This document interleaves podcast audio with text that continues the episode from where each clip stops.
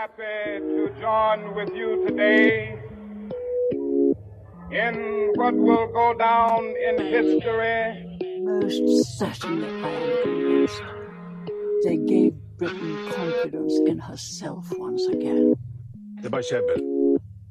The safest course is to believe in the moral government of the world. And therefore,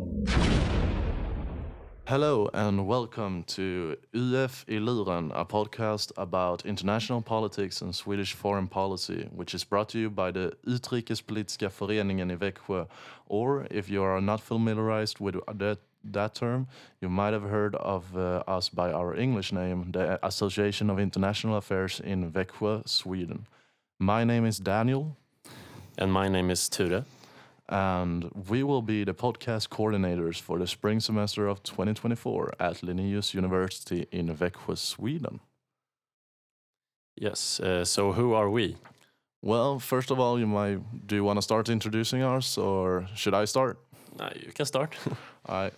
Uh, so my name is Daniel Hakenson, uh, or Daniel Håkansson in Swedish, and I am a student here at Linnaeus University. Uh, I'm currently studying a bachelor program called International Social Science, uh, Global Studies, and my main field of studies, or my major, as the Americans will call it, is political science and government. However, I have ch- chosen to focus a little bit on economics as well. yes, uh, and my name is Ture Johansson. Uh, I also study here at Linnaeus University in Växjö. Uh, and the candidate I am studying for, uh, for uh, is the same as you, International Political Science Program, Global Governance. And my major is political science, and it's my third semester right now. And you were from Stockholm, correct? Do you want to tell us, tell the audience a little bit about your background? Like, why did you choose to come to Växjö out of all places in Sweden? Yes, uh, so the main reason why I chose to study here and not in Stockholm uh, is partly because I wanted to move out as early as possible uh, because it's hard to find an apartment in Stockholm.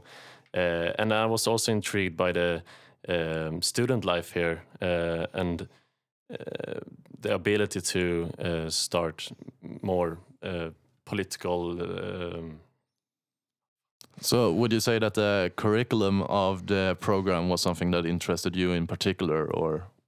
Yes, exactly, and the and the opportunity to organize uh, with political subjects like um, the organization I'm with now and that we are a part of. Yeah. No, I totally get it. Like uh, one of the reasons why I chose uh, Växjö specifically maybe wasn't like as much that I didn't choose to study ha- here mainly because of the city. Uh, I think there's other nice places in Sweden. Not to bash Växjö too much. I like the place. Uh, however, it was I was more in particular interested in the, both the program but also the international opportunities that went with it. So uh, for people that may have not heard of the program, we can maybe tell uh, that the 75% or so, depending a little bit on like what your main field of study is, is uh, uh, taught in English, and like your entire course literature, everything is in English. And I don't know about you, but for me at least, I felt a huge relief that you know it's in English because I feel much more comfortable expl- like expressing myself in English, both you know speaking, but also of course producing essays or writing academic papers, etc. Yeah, and I have also studied English, um, and I, in the beginning I wasn't so used to it, but uh, I saw the opportunities to uh, a career maybe uh, abroad, uh, and also I'm gonna study now in France uh, the last semester, uh, and that's an opportunity also with. Uh, with Linnaeus University, um, that and our program it, it gives an opportunity to study abroad uh, very easily uh, compared to other universities maybe.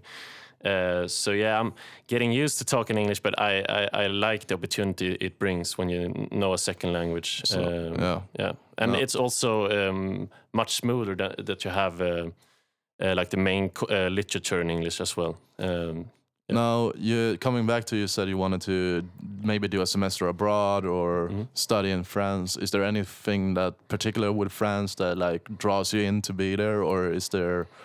Is it about French politics? Is it about the French culture you want to experience, or is it maybe you want to learn the language, or is there any particular area in France? Maybe not, maybe most people when they think of France instantly think of Paris for some reason. I think that's a little bit like only talking about Stockholm when you're in Yeah, Sweden exactly, or yeah. whatever. But uh, is there anywhere particular in France that you would like to go to? Uh, so I actually have a place already um, in Toulouse. Uh, not not a place, uh, a placement uh, where we we study at Sciences Po uh, in Toulouse. And uh, the language is a big reason why I chose to uh, study in France because I've been been taught French for like the whole of high school and even after that. And my my mother actually uh, taught in French as, French as well. Now my French isn't that good, but uh, that's one reason I, why I want to study there, uh, and also because uh, I think the country is an interesting place where politics it very is very active. Um, you see a lot of uh, demonstrations and protests in France, um, and it's very people are very political aw- aware. Uh, aside from Sweden, where I don't see that kind of um, awareness. No, I I don't know. I don't want to be pessimistic about Swe- like the Swedish population, but I think it sort of stems a little bit from like our passive aggressiveness in Sweden. Yeah. Uh, like in other countries, you might be more outgoing with your like contempt for current policies being passed by government or whatever it might be. And one thing that we're going to talk a little bit more about later uh, today is the ongoing farmers' protests all over Europe, actually. But we'll get back to that, I think, in a second. Yeah. Uh, another thing I was thinking that maybe the audience want to know, maybe they're not, but uh, I'm gonna tell you either way because I am proud to come from Skåne in Sweden. and uh, uh, if you're not from Sweden, uh, basically Skåne is in the south of Sweden, so uh, not in the near the capital at all. It's actually much more closer to Copenhagen, which is the capital of Denmark. Uh, I'm from Skåne, uh, from the north side of Skåne, basically from a small place called Örkelljunga. Shout out. uh, and because I know my boys will be listening to this, right? and also, uh, one of the reasons, uh, uh, like, I wanted to get engaged with the Association of International Affairs for Students here in Växjö was that I find, I think I f- have a deep, somewhat curiosity about the world and what's going around, what's going on around me, but also not nearly just local, but like around the world. What's going on in the U.S., what's going on in Europe, what's happening in Asia. Maybe there's like interesting things happening in Africa or anywhere else. Like there's a curiosity that sort of brought me to be interested in like participating and like being taking part and being active within the association. Yeah, I agree, and that's the reason why I study uh, the subject, uh, political science and uh, social sciences. Um, in school, I was never that good at math, uh, and I've always had a, this interest for, uh, I would say, more uh, global governance than maybe Swedish, but in politics in general has always uh, been interesting to me. And, and I'm glad we can do this podcast. Yeah, no, I'm also super stoked and excited. Uh, I thought that maybe one of the first things we're gonna talk about uh, will be NATO, uh, since it's highly relevant for us in particular, but also I think for both NATO uh, allies within the alliance, but also of course Russia and what they might think about Finland and Sweden's application and like Finland joining. Sweden is I think it's fair to say on the brink of joining. Uh, I think we will uh, be a part of the alliance within a few weeks, maybe a month or so, uh, if everything, all, all the pieces fall together, so to speak. But uh, what are what were your initial thoughts when, let's say, a month after Russia in, invaded Ukraine and the decision was made that Sweden were going to send in an application to join the alliance, and you could argue uh, become a much more integrated into what we will deem the West in international politics, uh, since Sweden has been uh, a non-alliant nation state for so long. Yeah, um, that's one thing uh, being born or uh, have lived in Sweden for a long time that you've noticed that we have used the begrepp neutralitetspolitik, uh, that, that Sweden should always be neutral in terms of uh, global conflicts and global governance. Uh, however, you can argue that we haven't quite been neutral always, or it's like more on paper. For example, we have supported with military aid to many countries and di diplomacy before this that we're joining NATO right now. Um, however, it was as if uh, the government finally accepted that on paper we're not neutral anymore, uh, and that was kind of shocking that it uh, actually happened um, eventually. And that was my initial reaction to us um, uh, accepting to join NATO. Yeah, I, I think there's something going on within the Swedish culture uh, where we have somewhat of the wrong self image of ourselves as a culture, as a nation. So uh, basically, my thoughts on the whole thing, like disregarding the geopolitics, but only focusing on public opinion in Sweden, is that we've been taught since a very young age that we're sort of these peacemakers of the world and we're neu- neutral to military conflicts. Uh, when we never intervene in any military conflicts it's, unless it is for like with the UN for peace purposes. But it's almost like it doesn't um, it doesn't really make sense in the end because we have participated in taking stance on different sides of conflicts in the past, uh, and many have also criticized Sweden for like you know having this wrong self-image of ourselves as neutral. Uh, I know one thing in particular in 1995, for instance, when we were joining the EU, uh, the European Union, and a lot of people of the cr- the critics of like uh, that didn't want to join the EU. Some of the critics came from the standpoint that it was an extension of like going leaving the non-alliance policy and actually becoming a part of a some you could call it an economic alliance at least.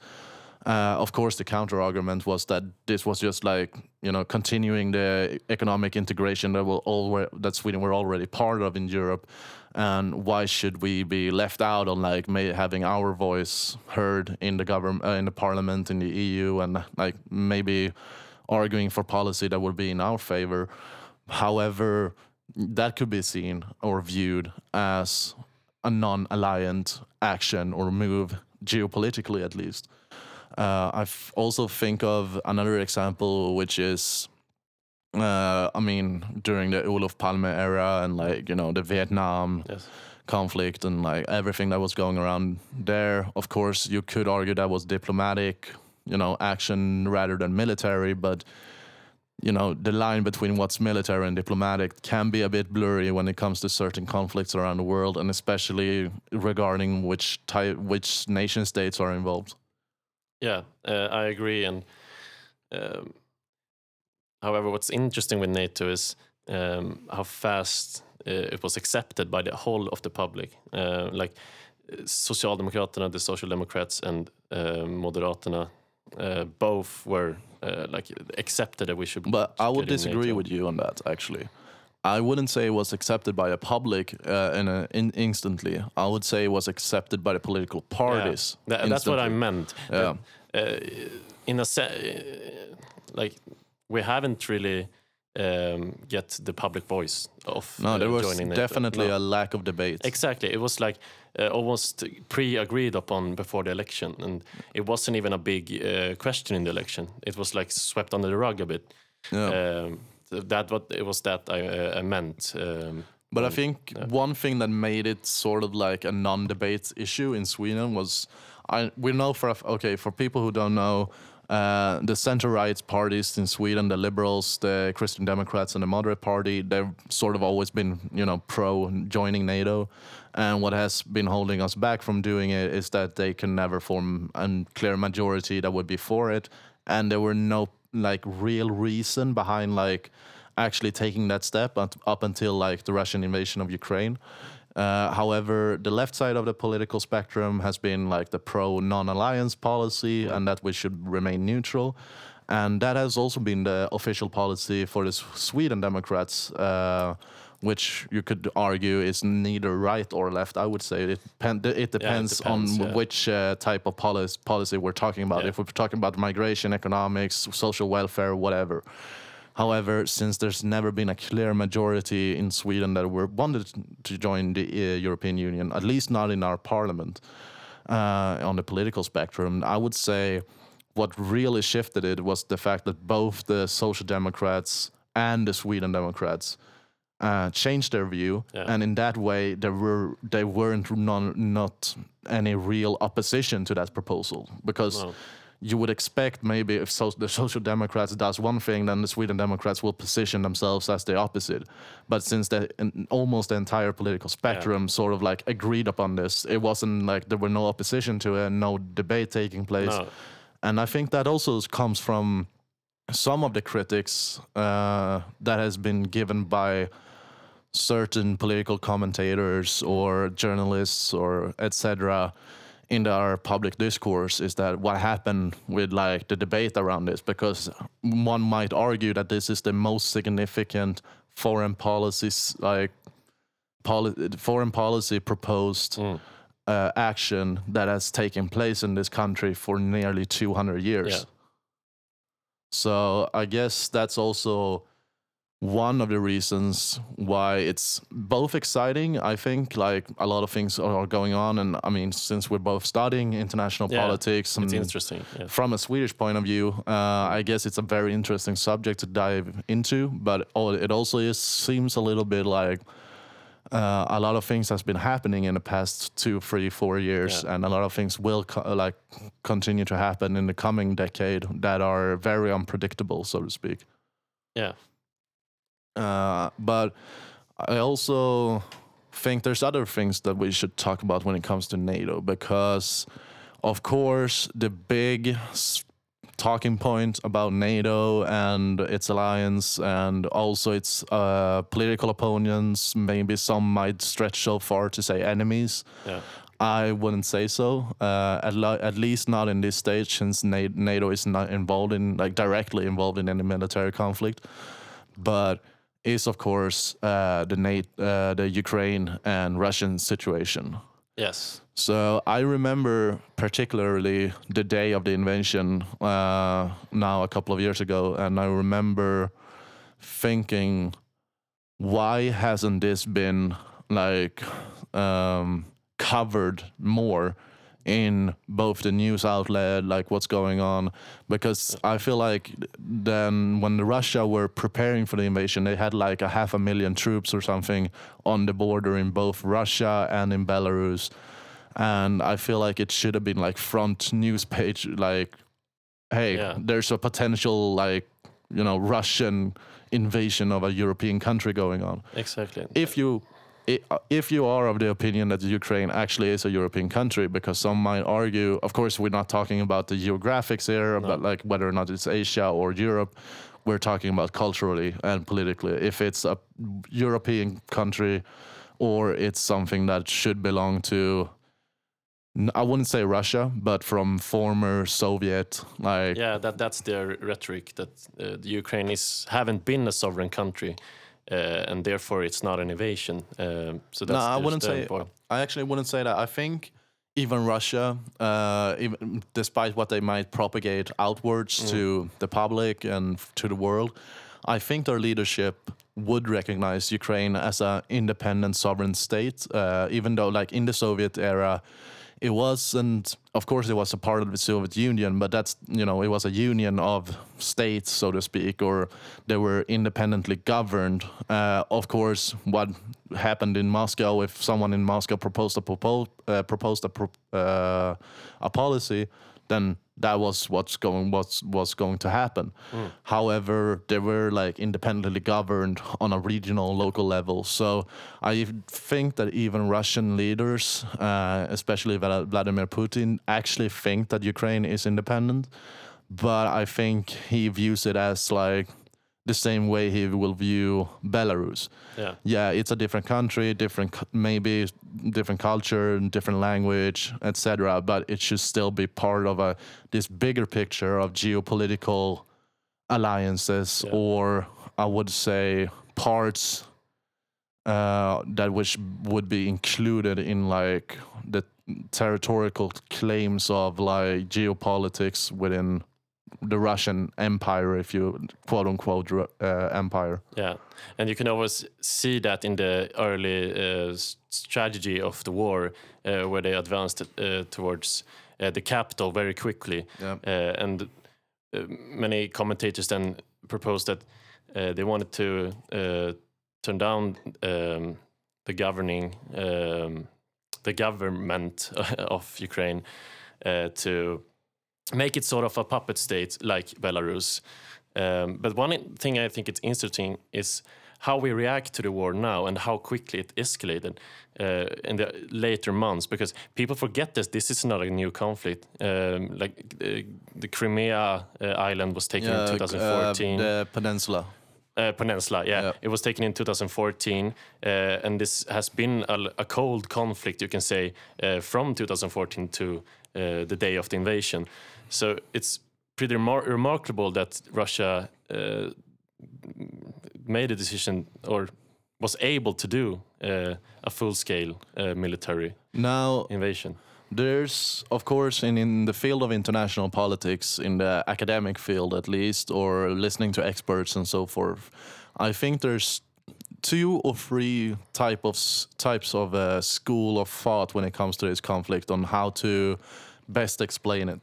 Uh, one would be, of course, the, the from the liberal perspective, Russia is not a liberal country. It's not. It's an authoritarian state uh, that acts like they're they're trying to have the public image of being not liberal, perhaps, but at least a democracy would have like hosting elections that really Yeah. don't matter. But at the same time, they, from a liberal perspective, you would argue that Russia is an authoritarian state that is looking to expand their interest and their influence on the world Yeah. and in particular in Europe because that's where their maybe clo- main rivals are apart from the US and China but at least locally in like that this ty- this region of the world uh, obviously obviously from a regional uh, or from a realist Yeah. perspective however some might explain this um, conflict as NATO expansion caused the Russia to react. Uh, so, in basically, for people that are unfamiliar with real, the realist thought of school is basically that there aren't really no international governmental system that like governs independent state from acting, uh, however, are is in their interest. Yeah. And since uh, there's no one to actually stop Putin from doing what he wanted to do, then this is what's eventually is it's inevitable that big uh, states with a lot of influence, a lot of military cap- capabilities, etc., strong economies, are going to clash for power. Yeah, because And- that's the uh, end goal of realism is that every state acts in their own interests, uh, and it's only if you think from that perspective, it's only right in question uh, parentheses uh, that uh, Russia will will wants to protect their territory and. Eh, it was a promise that NATO wouldn't uh, expand past Germany. Uh, still, they did with the Baltic uh, countries, for example. So, from a realist perspective, and also the perspective that Putin propagates for, is that it's for the country's own security in the in the region, basically. Yeah. Yeah, I. So basically, if you were to summarize the argument, it is sort of like Russia were forced to do this to defend their sphere of influence, and it was NATO provo- pro- provoking Russia to act. And I don't know how much could be say about that because that sort of takes away the sovereignty of Ukraine as a state, like deciding its own fate. Uh, since uh, one detail in this conflict was you were mentioning back to 2014 what in, really happened in 2014 as well or during that period was a change of governance or government in Ukraine to a more west uh, pro-west pro-Europe pro-European Union uh, sort of government that wanted to take Ukraine and make it more integrated into the West and to Europe, and that have eventually over the eight years that led up to the invasion like triggered Putin more and more, hmm. and to see the risk of like Ukraine falling into the sphere of influence for the West rather for the, like Russia. Um, I guess another interesting aspect I wanted to discuss to uh, discuss uh, with you about is that given the uh, declining support for Ukraine, uh, especially in America, uh, in the US, of course, uh, Europe is always. I think all. I think it is sort of like obvious to everyone in Europe that we should support Ukraine because it's in our best interest as Yeah. well, from a realist perspective. Uh, however, you can see like the lack, uh, the decline of support among the public in the U- uh, in the U.S. and the U.S. has been w- the major or the main contributor to Ukraine's ability to defend itself uh, in terms of foreign aid, in forms of military aid, and so forth. So one thing, one scenario, uh, which I don't do not uh, hope will will, will happen, uh, but you're, I don't think it's um, something that possibly could.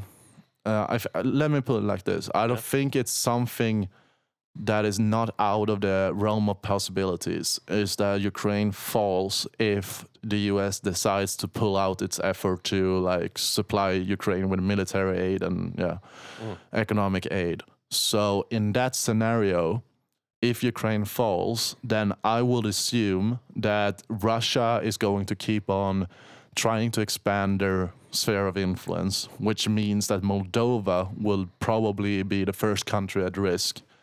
Now, if Moldova were to fall as well in that scenario, I would assume that Europe we will continue like sanctioning Russia, etc. But there would not be an that would in itself would not be enough for us to military intervene directly. I think. Um, then, of course, the the scenario if you wanted to play the scenario out, the Baltic states, Estonia, Lithuania, and Latvia will be at risk, of course, and.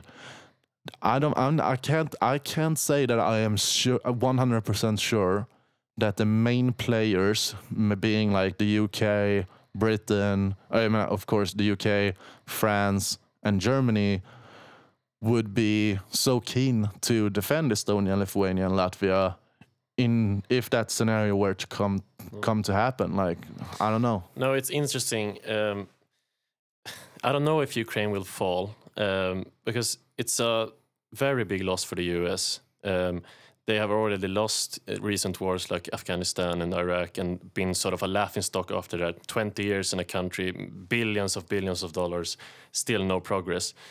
Um, but the interesting, most, interesting part that you mentioned is the uh, decline of support for Ukraine in the US. Uh, and you can see that from uh, when the conflict uh, started um, and Zelensky visited the US, he got a standing ovation in the in the chamber, and uh, every, every, everyone from the left to the right supported him. When he visited back, uh, like a year after, uh, no one clapped, and and you can see the big difference in in the attitude towards uh, Ukraine, and also uh, for the people of the U.S. Uh, who doesn't see they see the problems occurring in the U.S. as more of a priority than a country far away uh, over the Atlantic. Um, Yeah, and I think just, um, I mean, maybe just to give a little quick side story to uh, why this became obvious to me is uh, during the spring of 2023, I did my semester abroad, uh, studying in the U.S. in Texas. Maybe Texas is not the best represented, uh, best state to represent the entire country, but I felt that this was both common among liberals and uh, or Democrats and Republican voters, and it's sort of like the sentiment of why are we spending tens of billions of dollars uh, in a country where most I mean I wouldn't say most, but I would say um, a lot of Americans never heard of, or maybe they heard of it, but they wouldn't be able to point to Ukraine on a map, on a like world map. They probably wouldn't be able to tell you about Ukrainian culture, um, Ukrainian history, etc., etc. And to some degree, when I was there, you know, when you see the misery of like the opium uh, epidemic and Yeah. um, like the homelessness and like all the the lack of social welfare uh, that even like I mean the US is a political system that doesn't off- offer social welfare to like its public in the same way that Europe does, but still like the most basic things like infrastructure and like you know getting rid of or trying to fix the opium epidemic and so forth when you're seeing that billions of tax dollars are being shipped away to a country on the other side of the world uh, in a country you never probably never heard of. Because i think if let's say uh, the UK were to go through a crisis like the like Ukraine is going right now, then I think the U- the public opinion would be different in the US. Since like okay, it's the UK, well, Yeah. like that's we have heard of them, we have close history ties, whatever, whatever. But Ukraine is sort of like it's not of these countries in Europe that is perhaps mostly famous in the US. I would say like if you ask an average American on the street, they might refer to Europe as like the UK, Yeah. France, Germany, Italy, Spain, maybe. May I mean those are basically it. Yeah. Poland, perhaps. Yeah, and I think it's interesting to see uh, the switch in foreign policy. Uh, that the U.S. Uh, historically has always been uh, very involved with the uh, world politics and I mean, in in uh, recent decades, I would say. Yeah, Uh, yeah, oh, Since yeah, uh, since the Second World War. Yeah, uh, exactly. Uh, I don't I don't remember the name of the doctrine, but it was a shift in in foreign policy to uh, eradicate uh, communism communism in very uh, many South American countries, and basically involving um, U.S. authority or influence in pretty much every country in the world. Um, and it's interesting to see. I think the shift is more with the citizens of the U.S. than maybe the government. You see America First policies, of course, uh, by Trump, for example, uh, but after I, think it's uh, after Vietnam or Afghanistan that the U.S. citizens they they notice that this strategy doesn't work anymore. Uh, we can't support a war uh, in a foreign country that will lead to nothing, uh, and so with the people, it it has lost its purpose to be the world dominator. It, I, I don't think um, that resonates with U.S. citizens as much as it have uh, been historically. Yeah, I mean, for people that are not familiarized, is uh, basically before 1942, when Pearl Harbor were attacked by Japan.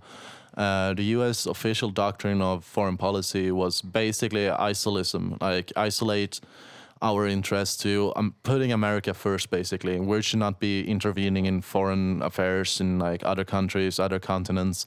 But then, of course, when Japan uh, bombed uh, Pearl Harbor in 1942, they were drawn into like the Second World War. Of course, of course, they had to respond and like getting involved, getting involved directly militarily.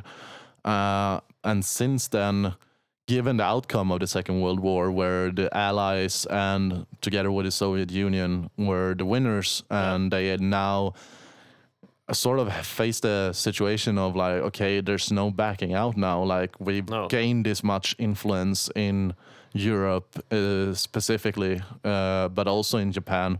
And why should we just withdraw all all of our efforts now to like establish some type of like presence and political influence in these regions? Because that in eventually, I guess the thought of the the thought will be that will keep our ourselves much safer in return because these countries will not rise up and like try to do something towards us again. If we have a military presence in terms of military bases diplomatic relations with the new established governments that took over and so forth. So ever since 1942 america has been like or the us has been very much involved in pol- like international politics all over the world, of course, and I think that really spiraled and escalated during the Cold War because there was sort of like this competition between the Soviet Union and the U.S. like competing for influence in Vietnam or in Africa or so like the Korea War, etc., etc. But also, of course, in Europe with the division of Germany.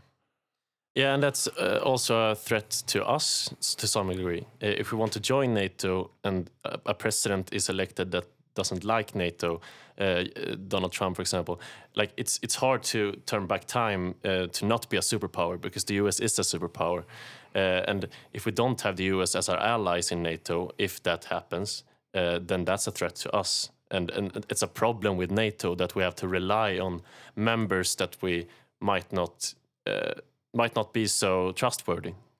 Yeah, I mean, I wouldn't say that you know other allies uh, would be trustworthy. I would, uh, I mean, the UK, France, Germany, I'm Italy. thinking of the U.S. or Turkey, for example. Yeah, but I guess the Turkey situation is a little bit blurry because I think there's other interests and like you know there's I I never view the whole like Sweden Turkey gate as a political conflict between Turkey and Sweden. Event like maybe it was on the surface. I think it was like on a deeper uh, level. I think it was more about Turkey having certain certain demands on like you know military de- uh, delivery from the U.S. and they wanted the F-16 planes and so forth. However, coming back to one scenario which I'm worried about is okay, fair enough. There's a de- declining uh, public opinion about uh, NATO in the US and supporting Europe and it's like all the allies uh, in Europe. However, I think this was this could also be, and I think it's already have been a reality check for every European nation within the uh, alliance that have been underfunding their uh, military capabilities and their mil- like their Yeah. army, because one of the agreements within NATO is that you have to spend two percent of your BNP uh, yearly on um, the military and the army. And a lot of countries has been cheating that rule just because they feel safe enough to do so because America has military presence. Exactly. Yeah. And I think this is also a very good wake up call, and, and not the least uh, for Sweden, for instance, that has like declined its military capa- capabilities enormously uh, or immensely since like the Cold War period. So, in that regard, I think it's a good thing that Europe become more cautious. That okay, maybe we can't rely on the uh, the US to always be there to protect and intervene, but rather we have to build our military capabilities to defend ourselves on our own. Uh, another thing that uh, it's quite interesting uh, when discussing NATO and all of the different aspects of what we've been discussing Yeah. is what if uh, because I don't I personally don't think that Ukraine and Russian conflict will end anywhere in No, like I the agree. coming five ten years maybe in five ten years. And five years will be like I mean maybe an optimistic scenario. I think it's going to be unfortunately a dragged out war uh, with a lot of human uh, lives um, going to waste. But either way if the conflict were to continue and um, China decides in this decade uh, before 2030 that they want to intervene and basically conquer Taiwan, Yeah. then the US are faced with like the scenario of like where do we want to like spend our resources to like for our interest? Will it be in Ukraine defending Ukraine against Russia or will it be defending Taiwan uh, from China So it's multiple conflicts at the yeah same time. Israel as well that's Yeah. also another aspect of it but what makes Taiwan of course very relevant for the US is the fact that I don't know if you noticed but I guess it's like 90% or something of all microchips Yeah. in the world uh, is made in Taiwan. Yeah. And if I know for a fact that i and they do have a policy in Taiwan that if China were to invade, that basically all of these factories will be blown up by Taiwan themselves, just so that uh, China can't get their hands on like the blueprints on how to mass produce these microchips and like the, the know-how technology behind it. But that will be i mean such a loss for both the us but of course the world but us in particular uh, when it comes to their economic and yeah to their economy basically because most of the modern economy is run by like microchips and like you know new groundbreaking technology and so forth.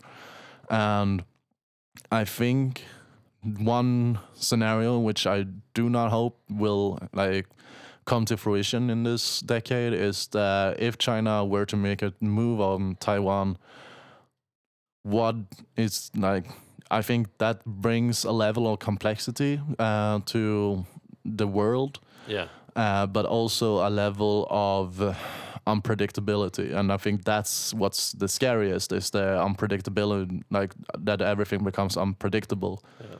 And we, we don't really know how to handle China because uh, almost everything is made in China. It's a very uh, important economic partner for many products all over the world. Um, so we have to be harsh, and we are, but at the same time, not too harsh. Uh, so it's a complex relationship, and if this uh, China um, decides to advance towards uh, Taiwan, I think that will be a very pro- big problem for uh, uh, foreign policy uh, makers in all of Europe and all of the world.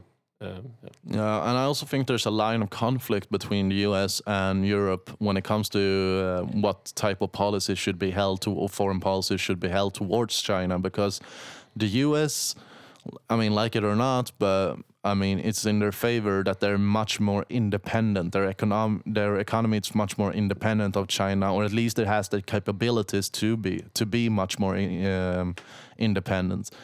Europe is much more reliant on China for trade and you know economic development. Sweden, Uh, uh, exceptionally, because Yeah. we have outsourced our, all of our production. Uh, yeah, and I mean, say what you want about the Trump period between 2016 and 2020, but one thing that I think should be viewed in a more neutral uh, way is the fact that um, he was a proponent on bringing back jobs to the U.S. and you might you might say that is to please his voters in the like the in the middle of the country in the what would be referred to as the um, uh, not the Middle East, of course, but uh, Middle America. Uh, there's a certain name for it, which I keep forgetting yeah, right now, but Mid- never mind. Or, Yeah, the Midwest. And of course, that's one way of looking at it. But another way of looking at it is okay, China's in- political and ge- geopolitical and economic like power is increasing, and one way of like dealing with it is to make America much more independent and to bring back jobs, to bring back production, and I mean that Trump slogan "America first," so to speak, um, make America great again. I mean, one way of looking at it is perhaps positive in the sense that for if you were an American, like if you were a U.S. citizen, you might view it as positive. Okay, uh, jobs are coming back, and we're becoming more independent from our main ri- rival. But I think the line of conflict between the um, or the line of difference uh, between Europe and the U.S. is that that's not really what we we don't have the resources to do that to the same extent in Europe. No, and and that's uh, a problem with capitalism. It's hard to turn back time. It's uh, the system is developed to um, outsource our production where the labor is much cheaper. And in Sweden, for example, we have um, much more. Um, I would I would disagree, but continue. yeah. Uh, okay. Uh, we have much more rights as workers in Sweden, for example. Uh, low-paying jobs or production work nearly doesn't exist on the same scale as uh, the sweatshops, for example, in, in Southeast Asia and and and, uh, and China. Uh, so to bring back the jobs to Europe, for example, the US is easier because they have more of those types of production. Uh, we are more high-skilled labor in Sweden, so so to br- bring back those types of jobs, I think is difficult. Yeah, and I I mean there's also a line of interest, but when it comes to like the theoretical approach to what should be the official foreign policy when it comes to like you know uh, production in Southeast Asia that is cheap labor. Because one way of looking at it historically have been like, okay, China is gaining like power and influence, uh, and their economy is growing. That might be a concern geopolitically, but on the other hand, what the outsourcing of jobs from Europe, but also mainly the U.S. to uh, countries like China, but also other regional countries in that area, has been uh, a poverty decline. Uh, I mean, I'm not glorifying working uh, uh, as a production ma- manager or like a worker in a factory in China and so forth, uh, because I know the conditions are very harsh. You know, from um, from at least seen from the standard of European standards or even Yeah. U.S. standard. However, what it has me meant is that the growing growing economy of China has led to a massive decline in human poverty, probably unseen in Yeah. history because uh, I guess back in two, the year 2000, uh, roughly 20, I think it was 30% of something of the world's population was living in absolute uh, poverty. Uh, for people who don't know, uh, absolute poverty is um, uh, defined by the World Bank. And I think the current the, the the limit at the time was that if you were living less on less than 1.7 US dollars a day, you were considered to live in absolute poverty, meaning you could not guarantee you, your um, food consumption of the day was not guaranteed, basically. And 30%, 40% of people in the world lived under that limit in the year 2000. And fast forward to like 2019, previous to the COVID pandemic, that number was like 8 9%. And so this outsourcing of jobs of production from the West to other countries and continents have also, you know, meant that less people, less human suffering in the world, in the sense that people are people are maybe working in like unfair conditions, but at least they're not starving on the countryside anymore. Yes. And like capitalism has brought forward uh, an in- increase of wealth and what you would call, I guess, an increase of living standards around the world. Yeah, and I agree, um, but it's it's not the, the, the argument I'm making. Uh, what I was trying to say is that uh, because we have uh, developed so many rights in Sweden, e- especially working rights, um, it's hard to get those jobs back to Sweden uh, because when a democracy allows for more rights, you want to keep that rights. And we saw example for this under the uh, COVID-19 pan- pandemic. As soon as you take away rights, as the rights to freely move in society, for example, during the pandemic, people will uh, be against that. And if you lower the standards for work, uh, which we have very high standards for in Sweden, uh, it wouldn't be accepted. Uh, so, in countries with a less degree of democracy, those kinds of jobs exist um, because they can exist and because people have no other choice. And I agree that they have also um, increased the living standard, and, and and we see that in China as well. That's why China is now outsourcing to other countries, like Bangladesh, for example, and they have a, a largely uh, growing middle class. Uh, but the thing is, I think uh, soon uh, it's a speculation, but it will be um, complaints in China, but in the middle class to get more rights because as you get be- better economically, uh, you want more uh, rights. I mean, I don't think that's a guarantee. I don't think that's a correl. I, I maybe there is a correlation between economic wealth and the demand for democracy or democratization, but I don't see how that correlation would be obvious. If you look at countries like in the Gulf states, for instance, that are very wealthy, and of course there's huge class differences, but at least there's has been an, I mean, unprecedented economic growth. Nothing really has taken place on the democratization side uh, of things more than maybe free um, freer movement and uh, you know trade with a with the world uh, however f- you know democratically in terms of elections in terms of like representative uh, Yeah. democracy nothing has really happened uh, the leaders are still the same in the gulf states even though the unprecedented economic growth Yeah, uh, but you can, if you take it from a liberal perspective, you can say it takes very long time, and eventually everything will become democratic. But I see your point as well, uh, Eh, and then eh, that's because there exist states with very uh, powerful author- authoritarian governments, and China is very good at controlling the people, and um, it's a, yeah. But you can say if you're a liberal that eventually it will be more democratic. But I see your point as well. Yeah. Um, maybe we can move on to talk about something else because I think we we started out talking about NATO Yeah. for like from a Swedish perspective, and like from there it just like went different directions, which I thought was really interesting. Yeah. But uh, one thing that we also wanted to talk about briefly uh, is the upcoming U.S. Ele- U.S. election. Um, because not only is the U.S. election coming up in 2024, there's going to be like a lot of elections around the world, uh, and I think I read somewhere uh, that roughly half the human population of its like 3.5 billion or 4 billion people are going to vote this year.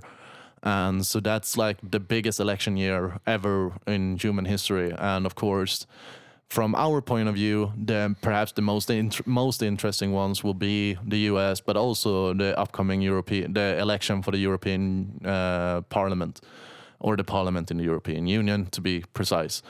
Um, but let's dive in a little bit to the U.S. election. What's uh, have you been following it? Like, how close would you say, or how deeply?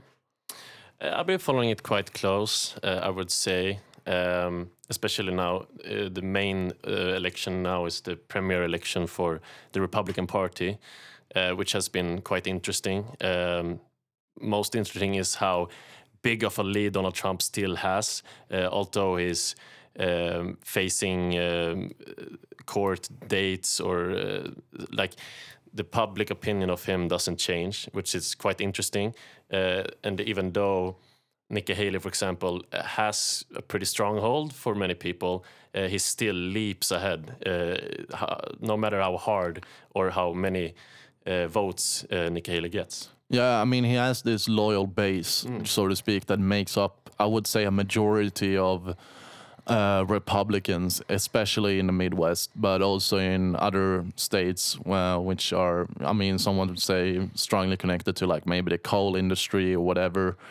Um, but at, at least like maybe not going into detail of what that base is like consists of. It's he has his like elective elective base uh, or electoral base among voters. And what's interesting to me has been I saw a poll re- recently uh, which Trump was actually leading over Biden like a quite substantial amount.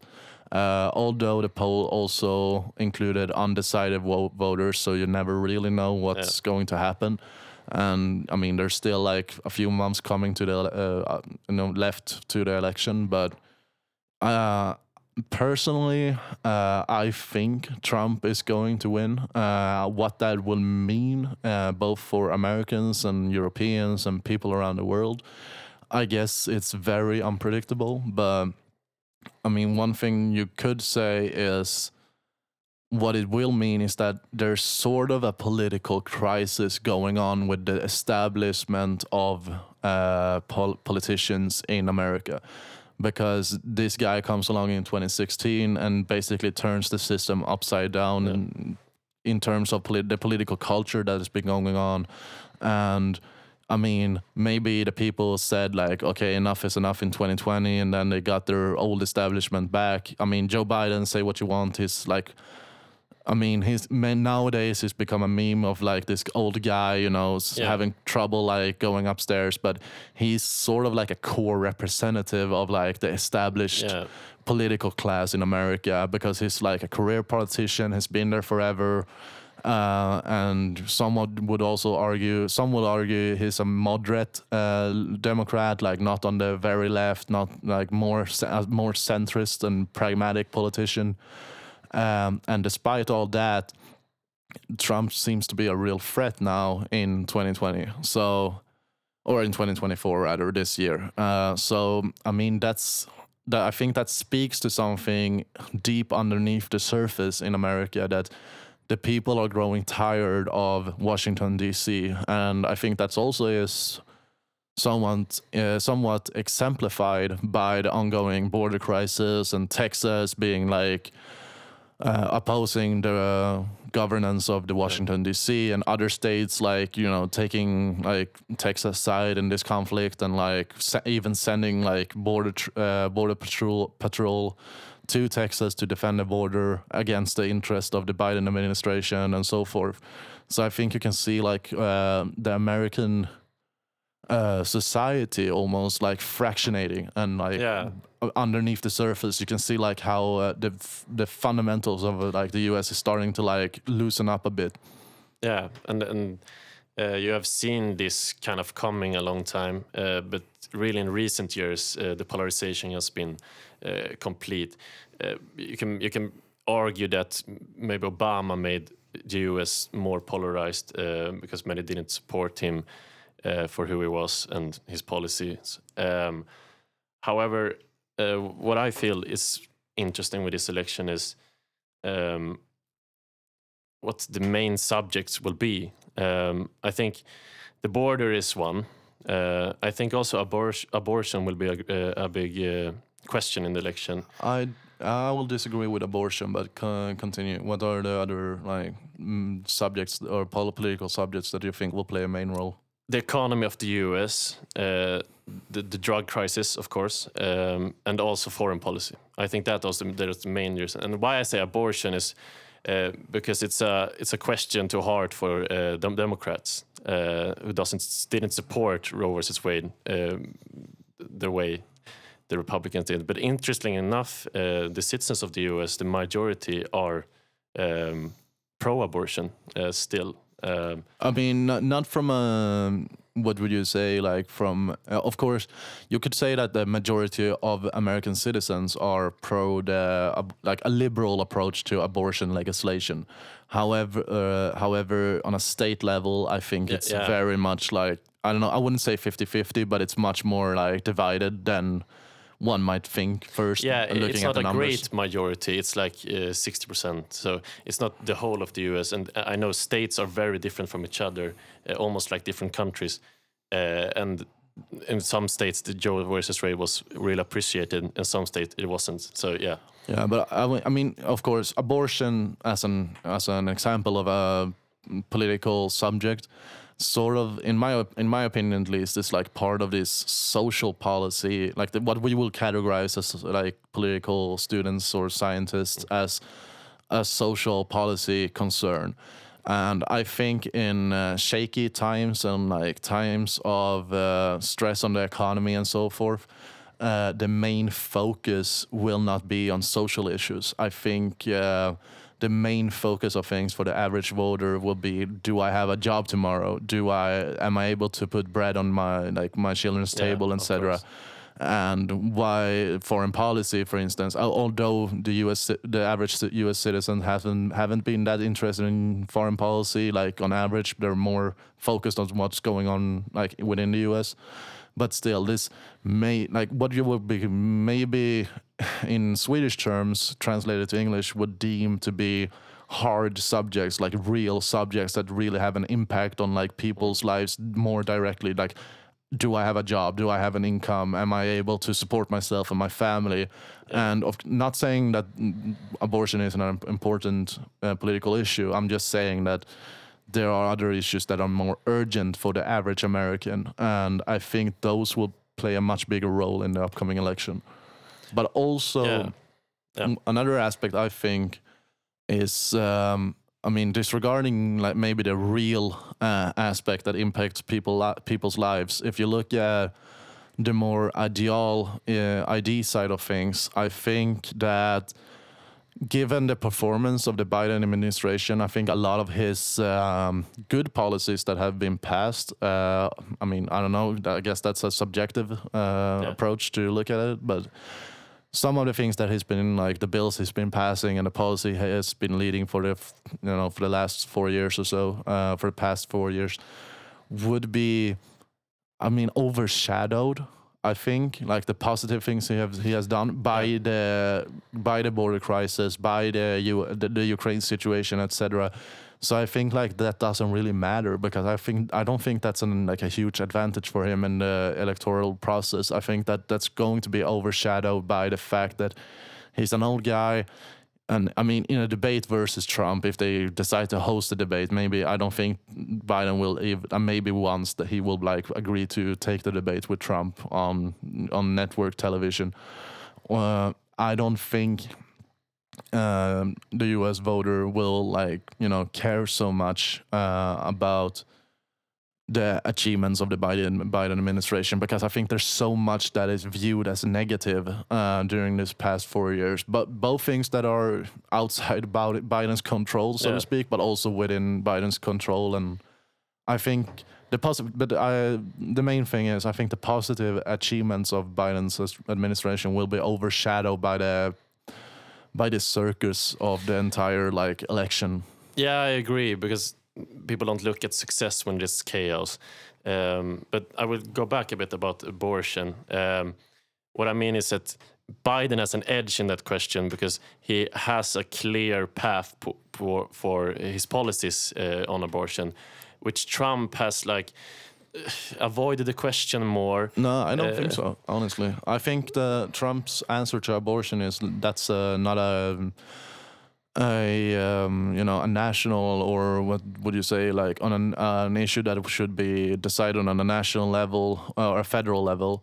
I think he has been very clear that that's up to the states, and that's this constant debate in the U.S. whether or not governance should be taking place locally or federally but I think he's like whether or not I I don't know what his personal views are on That- like I mean. abortion policy, but I think it's he's been perfectly clear on his stance that you know this is not a federal issue, this is a state issue. Yeah. What I mean is that uh, there are Republican candidates that have very uh, rhetorics against abortion.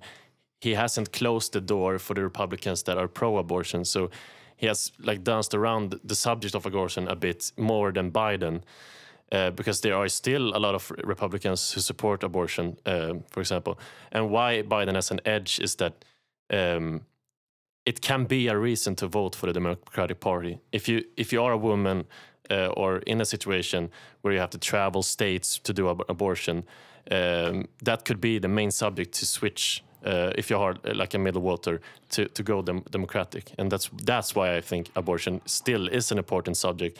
But I understand your um, where you're coming from, where uh, economy might be uh, the biggest. Yeah, and I, uh, it's not only that. I think you know if you look at the um, voters in Republican states that are voting Democratic uh, or voting for the Democrats just because of abortion, maybe they do. Maybe they only vote for the Democrats because of this like particular um, political issue. Maybe they're voting for a whole line of politicals.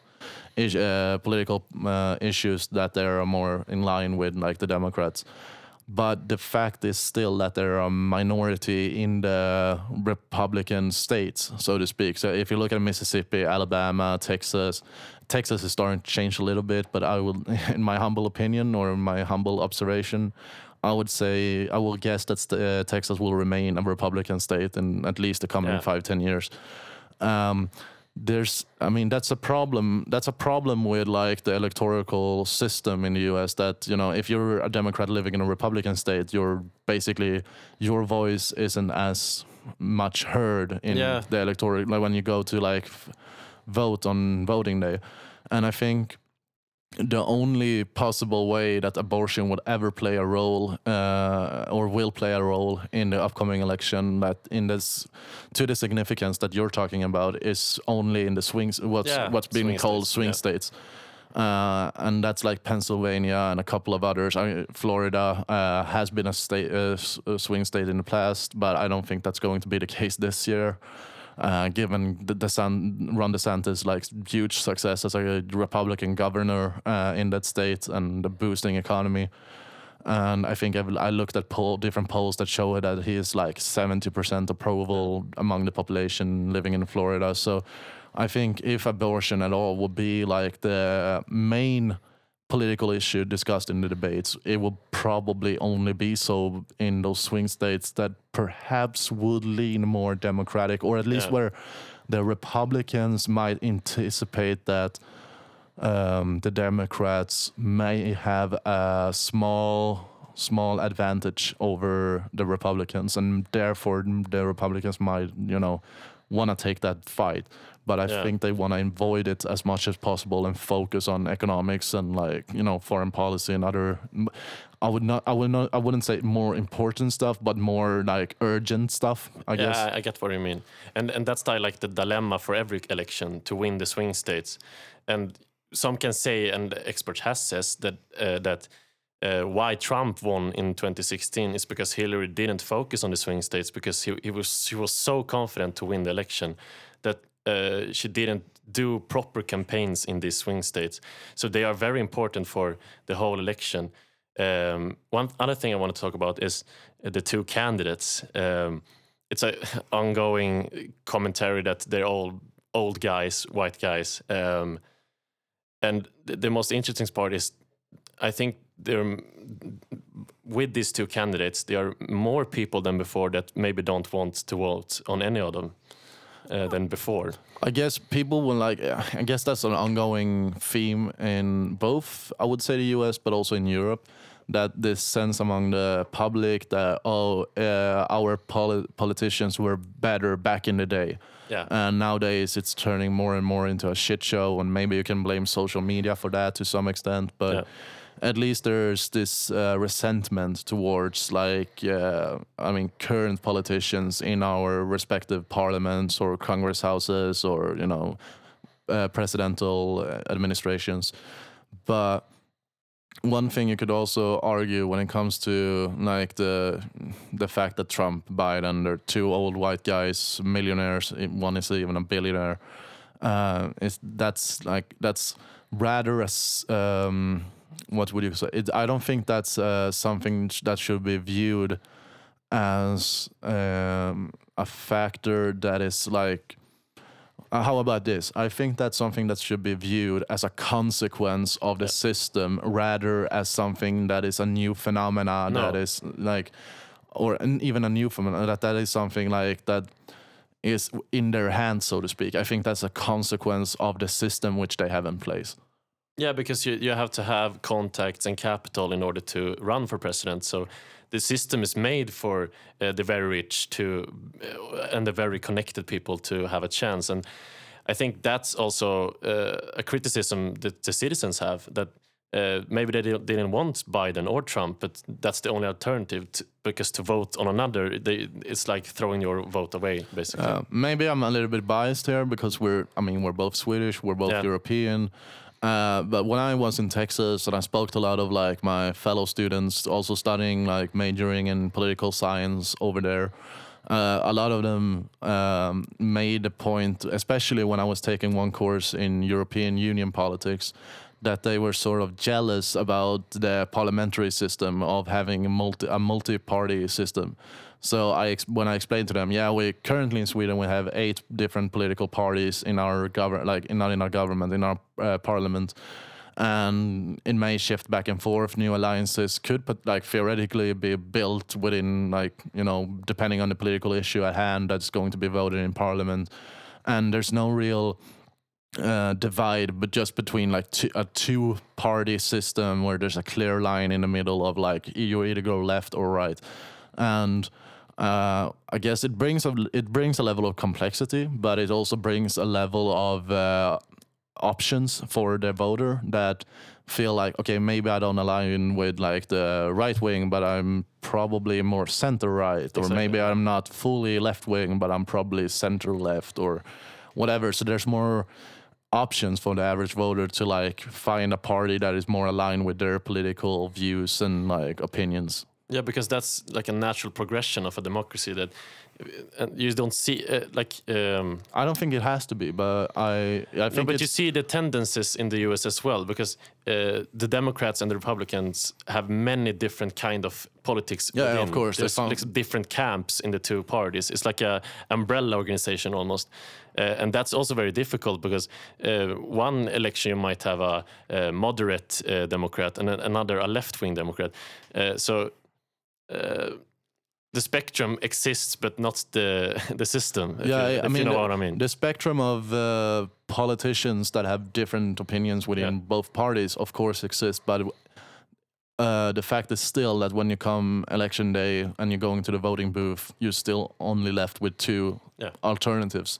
And in Sweden, at least, oh, sorry, excuse me. Uh, in Sweden, at least, you have like at least eight political parties, and I mean, we do have other ones as well that are trying to make their way into parliament. Uh, I don't think we have to name them all because we will go on for days, Yeah. probably. Uh, but yeah, And No. when you, where you see that becomes a problem is uh, what happened now uh, in the in the parliament uh, when you could see the disagreement within the Republican Party. Uh, like there's a I don't know I don't remember the name of the of the group, but uh, it's a it's a pro-Trump group who opposed uh, the general uh, opinions of the Republican Party. And it, it left uh, the U.S. without the sh- talman- chairman uh, for like weeks. Yeah, no, I, guess it, it's. I mean, both of course systems are very complicated, but I think the good thing about the parliamentary, like representative parliamentary system in that we have in Sweden, but Denmark, Norway, other European countries. Uh, I guess it's a mix in the uh, the UK. I sort of view as a mix between both because they have electoral based votes like uh, districts, but at the same time they have like both the Labour, the Liberals, and the Conservatives. So it's not only a two party No, system. yeah. And of course the referendum party that you know uh, made sure that Brexit uh, ca- Yeah, came to yeah. fruition. But if you look at the parliamentary system, I think uh, there's more advantages to it. But I guess it's also a matter of population size. And if you're a republic or what we will view in political science as a unitary state. So Sweden, for the people who might not know, is a unitary state. We have we do have of course local governance, but you know we are not a republic with a federal state and like state level government that are separated and like so forth. So I think that's a matter of like the population, the his- history, the culture, and also what system might suit like you know the um the type of like uh förutsättningar uh yeah, I mean, in- Yeah. so to, to um, explain it in another way would be like there's different things that need to be in place uh, at first for a certain type of system to develop, and I think that's yeah, that's just different, and that's that's just a matter of things. But maybe we could uh, move on to talk a little bit about the European upcoming European election. Um, Uh, before that, I just wanted to uh, quickly just establish who do you think will be the candidates, uh, like um, vice president, for example, for for uh, Trump? Because Biden, it's almost I- certain. I think Vivek. I think his name is Vivek. Vivek the- Vivek Ramaswamy, yeah. yeah. I think he's an interesting guy right now, uh, in the sense that he's becoming more and more. Um, f- not famous, but viral in the sense of like, okay, maybe his line of like his character, I think, is much more in line with Trump's character. Yeah. And he has been an outs- outspoken supporter of much of what Trump has done in the past. So I think Trump will view him as a potential candidate in the sense that, okay, this guy maybe is someone that could steal my light, but Yeah. also someone that is more in line to agree with the policies that I will put forward than like another candidate like Nikki Haley, for instance. Because I think right now, when you look at the primary election uh, in the Republican Party, there's essentially two camps. It's like Nikki Haley is more moderate Republican, like old fashioned style of running things. And then there's Donald Trump with his uh, populistic, like uh, new type of Republican, like yeah. So I guess that's. Um, I think Vivek would be. Uh, I I would say this. I wouldn't be surprised if he's like running as the vice president at the end. No, and he's uh, said that he, he will support Trump as well, uh, very in line with Trump rhetorics. Uh, but it's also interesting what you said that they might crash uh, because they're both very uh, vocal and energetic. Uh, like Mike Pence, for example, was the quiet guy, and and Trump uh, Trump was the loud, yeah, talking guy. um, but another candidate that it's interesting is Ron DeSantis and how he sort of disappeared from the light a bit. Like in the beginning of the election, uh, he was the promised. Uh, he was like the the one the people thought might become a candidate. Uh, like he was a very successful uh, governor in Florida. Uh, but then th- it shifted to like he had low energy, not the same presence as before. Uh, he became sort of a laughing stock in media, maybe left wing media more, but also in Fox News um, because of his shoes, for example, that he had extensions in his boots. Uh, but it's interesting how he like f- fell out of the light a bit. Yeah, I mean, I have a couple of things about what you just said. Uh, one thing that the audience might not know is uh, you mentioned that Ron DeSantis was a very successful governor in Florida, and I thought I just mentioned some of the reasons why he's considered to be uh, a successful governor over there. And basically, uh, during the COVID 19 pandemic, uh, much of the US had lockdowns. Thank, thank God we never did in Sweden to the same degree as other countries. I think we were unique, but back to Florida. Um, Florida and Texas were two of the most uh, open places to be during the COVID 19 pandemic in the US, uh, since they essentially said, like, yeah, it's up to the citizens whether or not they want to do like lockdowns themselves, but we're not going to enforce it on a governmental level. And so there were mass migration to like those two states, businesses moved. Uh, and cap a lot, a lot of capital uh, moved to like Texas and Florida, and of course that's boosted the economy uh, in both Florida and Texas. So uh, what it boils down to is that Florida became a state with a lot of uh, that became much richer. Uh, a lot of businesses started popping up, and I mean, if you have an one of the most successful ec- uh, economies within the states uh, or within the, U.S. and you're one of the most successful states in the recent years, of course, your popularity is going to Yeah. increase.